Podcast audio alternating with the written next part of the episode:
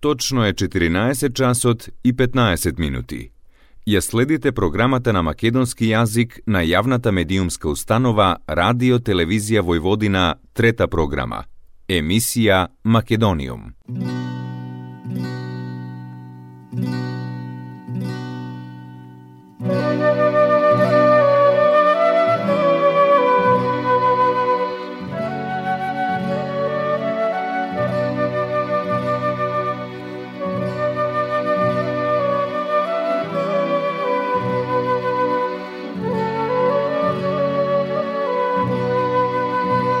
Македонијум.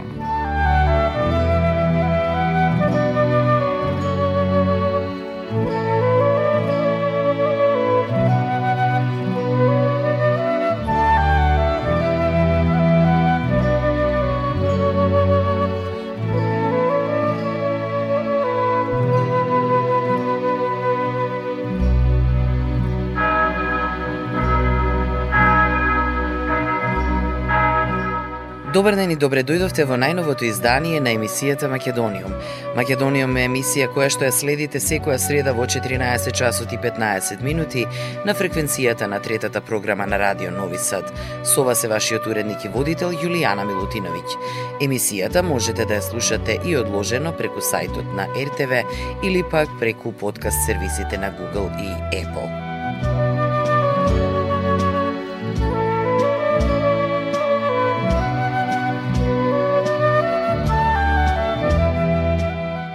Во денешното издание на емисијата конечно на мое огромно задоволство ни гостува најдобриот македонски пианист Симон Трпчески, кој утре вечер во рамките на новосадските музички свечености со проектот Македонисимо ќе има таа чест да го затвори годинешниот Номус, фестивал кој годинава има двострук јубилеј 35-ти роден ден и 40 години од одржувањето на првиот фестивал. Во Македониум предходно на оваа тема зборував и со перкусионистот Владко Нушев, кој е дел од Македонисимо, а денеска конечно го имаме и Симон Трпчески.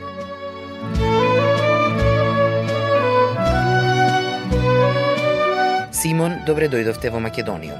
Конечно, новосадската публика ќе има можност да ве слушне и тоа со проектот Македонисимо, кој веќе 5 години има успешна приказна. Од каде дојде идејата за Македонисимо?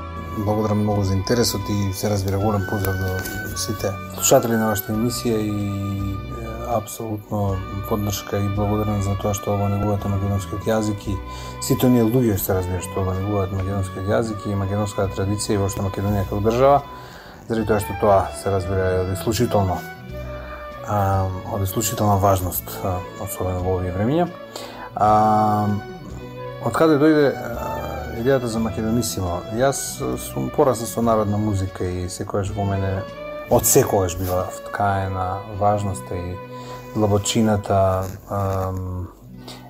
и значењето и квалитетот на македонската народна музика во семејното живење, се разбира тоа се гајало генерации наназад во семејствата на моите родители.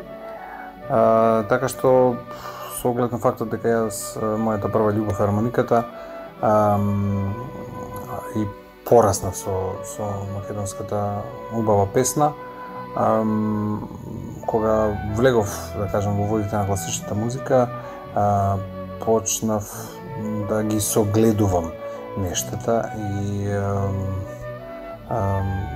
некако во, во, во сето тоа образование во кое што научив дека практично е, гениалните класични композитори биле инспирирани од ам, народната музика на своите народи, на други народи. А, некако се гаеше таа идеја долго време за јас да се потрудам да направам нешто, така што а, оваа идеја да се направа софистицирани обработки на а, на македонската народна музика сигурно се вртеше во мојата глава околу 4 години пред да се случи е, премиерата во пред 6 години поточно во Лудвигсбург во во мај 2017 година Зошто? Заради тоа што верував во исклучителниот потенцијал, всушност Македонија и македонците не се свесни каква а, а, музика имаат, какви корени имаат, каков квалитет имаат, какво значење имаат, а, нешто што а, практично само по себе се разбира се влегува во аналите на светската на светското музичко наследство, меѓутоа нешто што мислам дека самата држава треба многу посериозно да го свати и на тој начин да го промовира заради тоа што тоа е кодот на постоењето на, на еден народ. А, така што од тој аспект тоа беше мојата навистина идеја, не, она енергија што ме водеше внатрешно.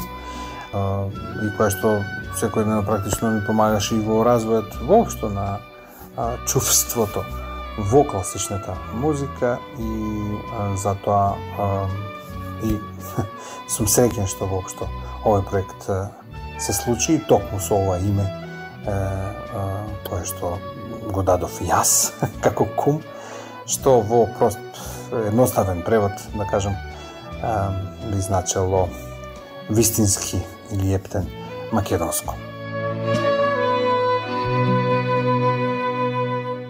Македониум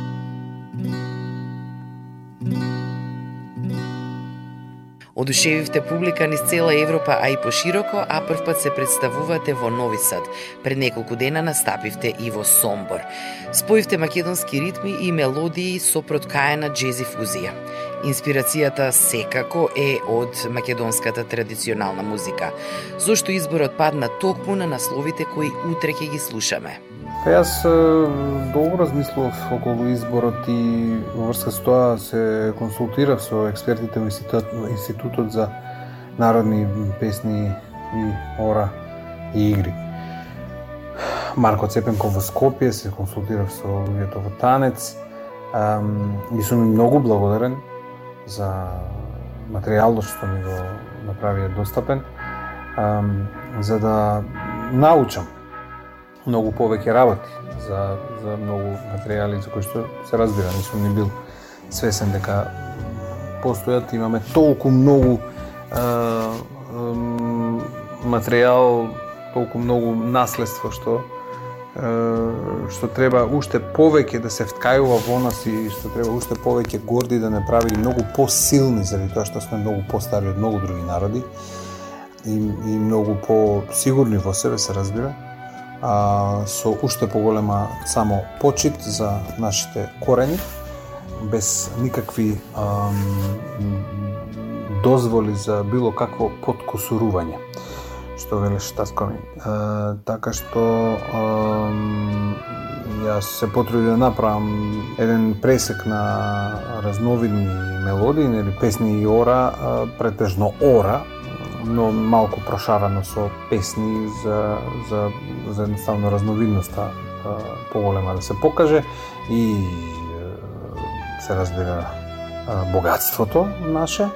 А, во разно разни метрички, ритм, ритмометрички или метроритмички структури, а, бидејќи тоа на вистина ја покажува како што реков, разноликоста и богатството на, на нашата музика исклучително длабока, нешто што наистина продира до публиката на интересен начин. Ние спомнавте Европа, се разбира, ние настапивме во Канада и два пати во Јужна Кореја и се разбира има планови за натаму и на другите континенти, но дефинитивно мислам дека а, начинот на кој што ова се подготви, апсолутно, заедно со композиторското перо на македонскиот композитор Панде, што работи и живее во Англија, и заедно со е, моите четворица феноменални е, колеги музичари, а, направивме еден израз на македонската народна музика кој што досега можам словно да кажам не слушнат. А, и во самиот процес на работа а, доста бевме и ние практично изненадени од, од изразот од музичкиот јазик кој што а, произлезе од о, о, овој процес на работа кој што беше се разбира исполнет со исклучителна љубов, посвета, инспирација и вджашеност од богатството на македонската народна е, музика. Така што се надевам дека публиката во Нови Сад ќе ужива во во истата. Сепак блискоста да речем на, на народите и на културата и заедничкото живење, да кажем, во одреден период си го прави своето и убаво е кога народите можат да се разберат на полесен начин би рекол, така што навистина многу се радуваме што е, настапуваме на, во рамките на фестивалот Номус. Е, тоа е, е ако не се лажам, прва е, прв настап моја учество во овој вид на фестивалот Номус, бидејќи искрено не се сеќавам дека а, предходната моја посета на Нови Сад, што беше во 2005 година заедно со Македонската хармонија, беше во рамките на овој фестивал, тоа може би беше сосема а, засебна практична организација. И ете, после 18 години се враќам во Нови Сад, во тој град што мене навистина ми остави многу симпатичен впечаток. Ам, од тогаш, без разлика што навистина немав многу време да го видам, а, но овој пат ќе ќе имам можност да да подосетам малку таа негова магија. Самите срби го фалат овој а, град. И се радувам што ќе имам можност да си оствараме една лична желба да свирам во градот каде што се случи концертот на кој што последен пат беше присутен мојот татко. Македониум Знам дека соработката со Панде Шахов е повеќе од една деценија колку од музиката на албумот е однапред подготвена, дали на прва проба имавте импровизации и дали воопшто додека настапувате со Македонисимо, импровизирате и одстапувате од нотите со оглед на тоа дека нашите ритми дефинитивно си бараат понекогаш импровизација. Во процесот на работа ние многу близко соработувавме со Панде. Тој е еден исклучителен човек кој што во себе носи едно здраво его, кој секогаш е на страната на креативноста и точно така ние соработуваме подолго време, јас претходно имав можност да свирам некои негови композиции, една цела свита што ја напиша во за мене, песни и шепоти. Претходно се работувавме на кратки да речем обработки на македонски песни, а таа свита беше изведувана во годината на одбележување на Шопеновиот јубилеј и а, секојаш ни била многу на нашки кажано комуникацијата со разбирачка. И од таму мислам дека тоа е појдовната точка во било кој успех на било кои луѓе, дали индивидуално или во или групно, нели во, во, во рамки на одредена организација или пак да не зборуваме во, во, во политиката, што кај нас е нели, катастрофално, како што знаеме. А, и од таму сите луѓе кои што можат да дојдат до некакво разбирање и до некакво заедничко решение, а, во принцип доаѓале до успех.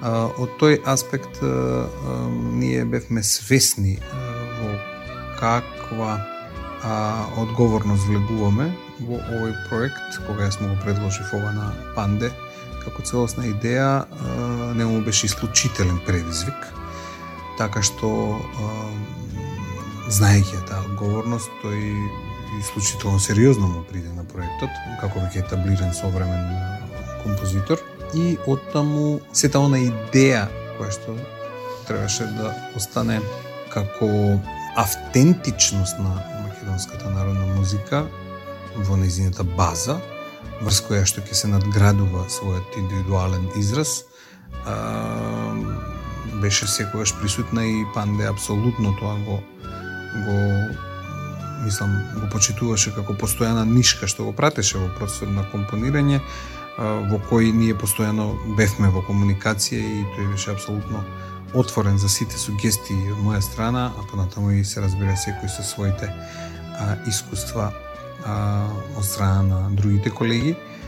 Така што да, генерално сите мислам генерално повеќето ноти се напишани, меѓутоа од композиторски аспект онаму каде што Панде сметаше или не знам во, во заеднички дослух се сметаше дека има простор и потреба да се остави момент на импровизација.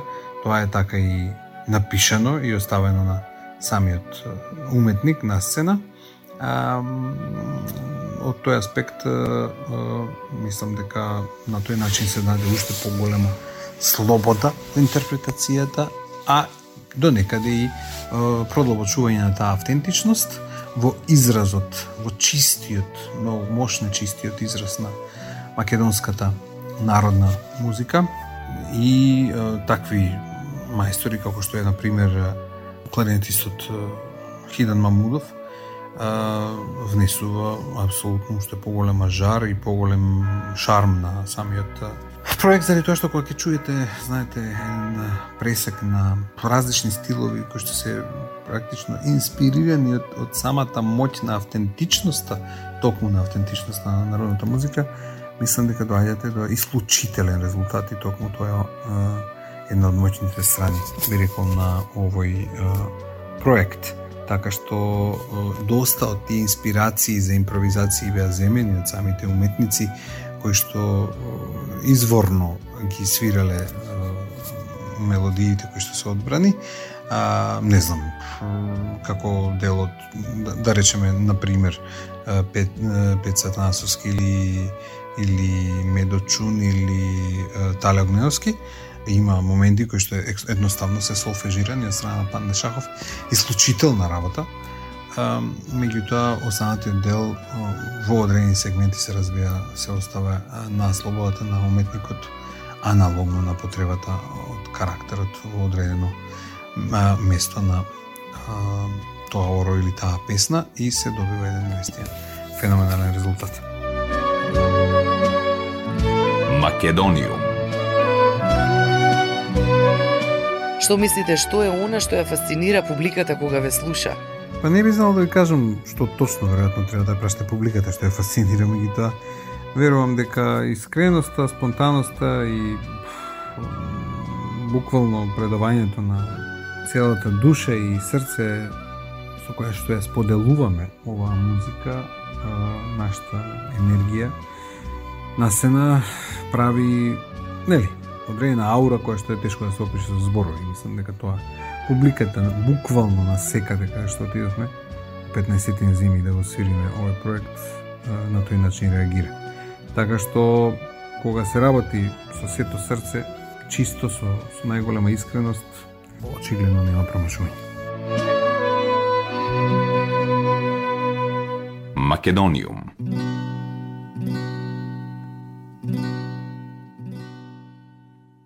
Иако сте во овој состав музичари и инструменталисти, колку што јас успеав да наслушнам, преслушувајќи дел од албумот, ќе ги слушнеме и вашите гласови. Па да, точно така, ќе има можност за такво нешто, бидејќи се разбира добро, погледме до, до оваа програма инструментална, меѓутоа како што реков, малце расшаравме со песни, што е апсолутно занемарувачки. Бројот од, од целото македонско наследство просто неверојатен број на песни има. Така што ам, убаво е да се даде уште една димензија која што верувам дека не беше до толку очекувана и на тој начин да ја задоволиме публиката со уште едно нешто. Прашање кое всушност никој не го сака, а некаде за пред крај на разговорот. Дали имате македонска песна или оро кое што ви е особено драго? Помалку е тешко тоа прашање да бидам искрен. Има Има дури одредени нели ора кои што јас сум ги играл, да речеме, сега моментот ми текнува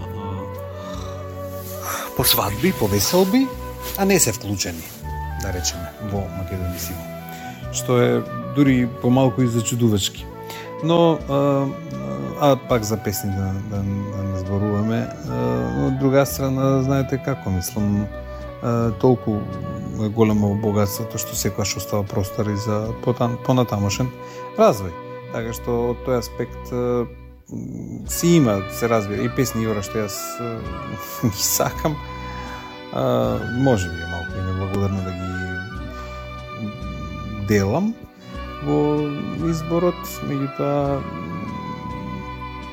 еве, ги поканувам сите македонци што се во Нови Сад и во околината и се разбира и срби и и добро сте не толку далеко од Унгарија. И воопшто сите од сите национални припадности луѓе а, кои што искрено сакаат музиката и се спремни да чујат нешто поинакво да повелат на концертот во Нови Сад мислам дека навистина ќе искусат нешто што е невообичаено дефинитивно класично образовани музичари кои што наистина таков автентичен, автентичен начин изведуваат народна музика од е, земја која што е, има наистина исклучително богатство токму заради разновидните метроритмички структури и исклучителниот емотивен интензитет на самите мелодии, како што е нашата земја што се вика Македонија, така што од тој аспект мислам дека апсолутно ќе уживаат во еден, како што кажав, невообичен, може би не секојдневен настан, а, а, нешто во секој случај а, начин на кој што до сега не ја слушнале македонската народна музика. А, од наша страна витуваме прекрасна енергија и на сцена и голема а, музичка преградка до сите оние што ќе дојдат.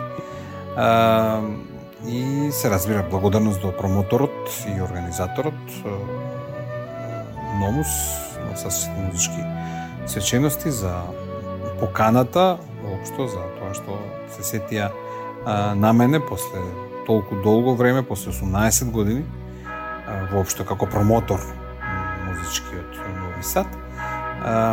И ние со радост еве доаѓаме за прослава на музиката, но и прослава на Македонија. Симон, ви благодарам за издвоеното време. Едва чекам утре конечно во Нови Сад да го слушнам и проектот Македонисимо. Македониум.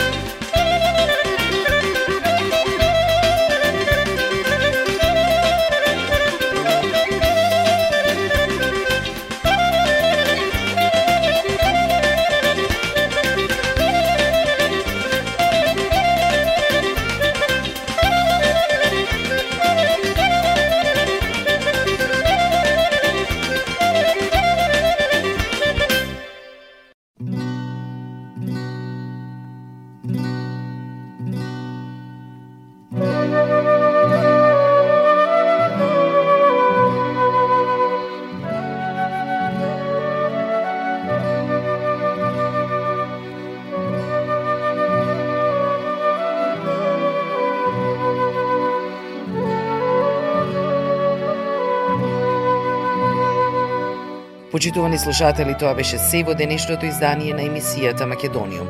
Голем поздрав од мене до сите вас кои не следите на третата програма на радиото. Повторно се слушаме следната недела во исто време. Ја следевте програмата на македонски јазик, емисија Македониум. Главен и одговорен уредник Воин Поповиќ.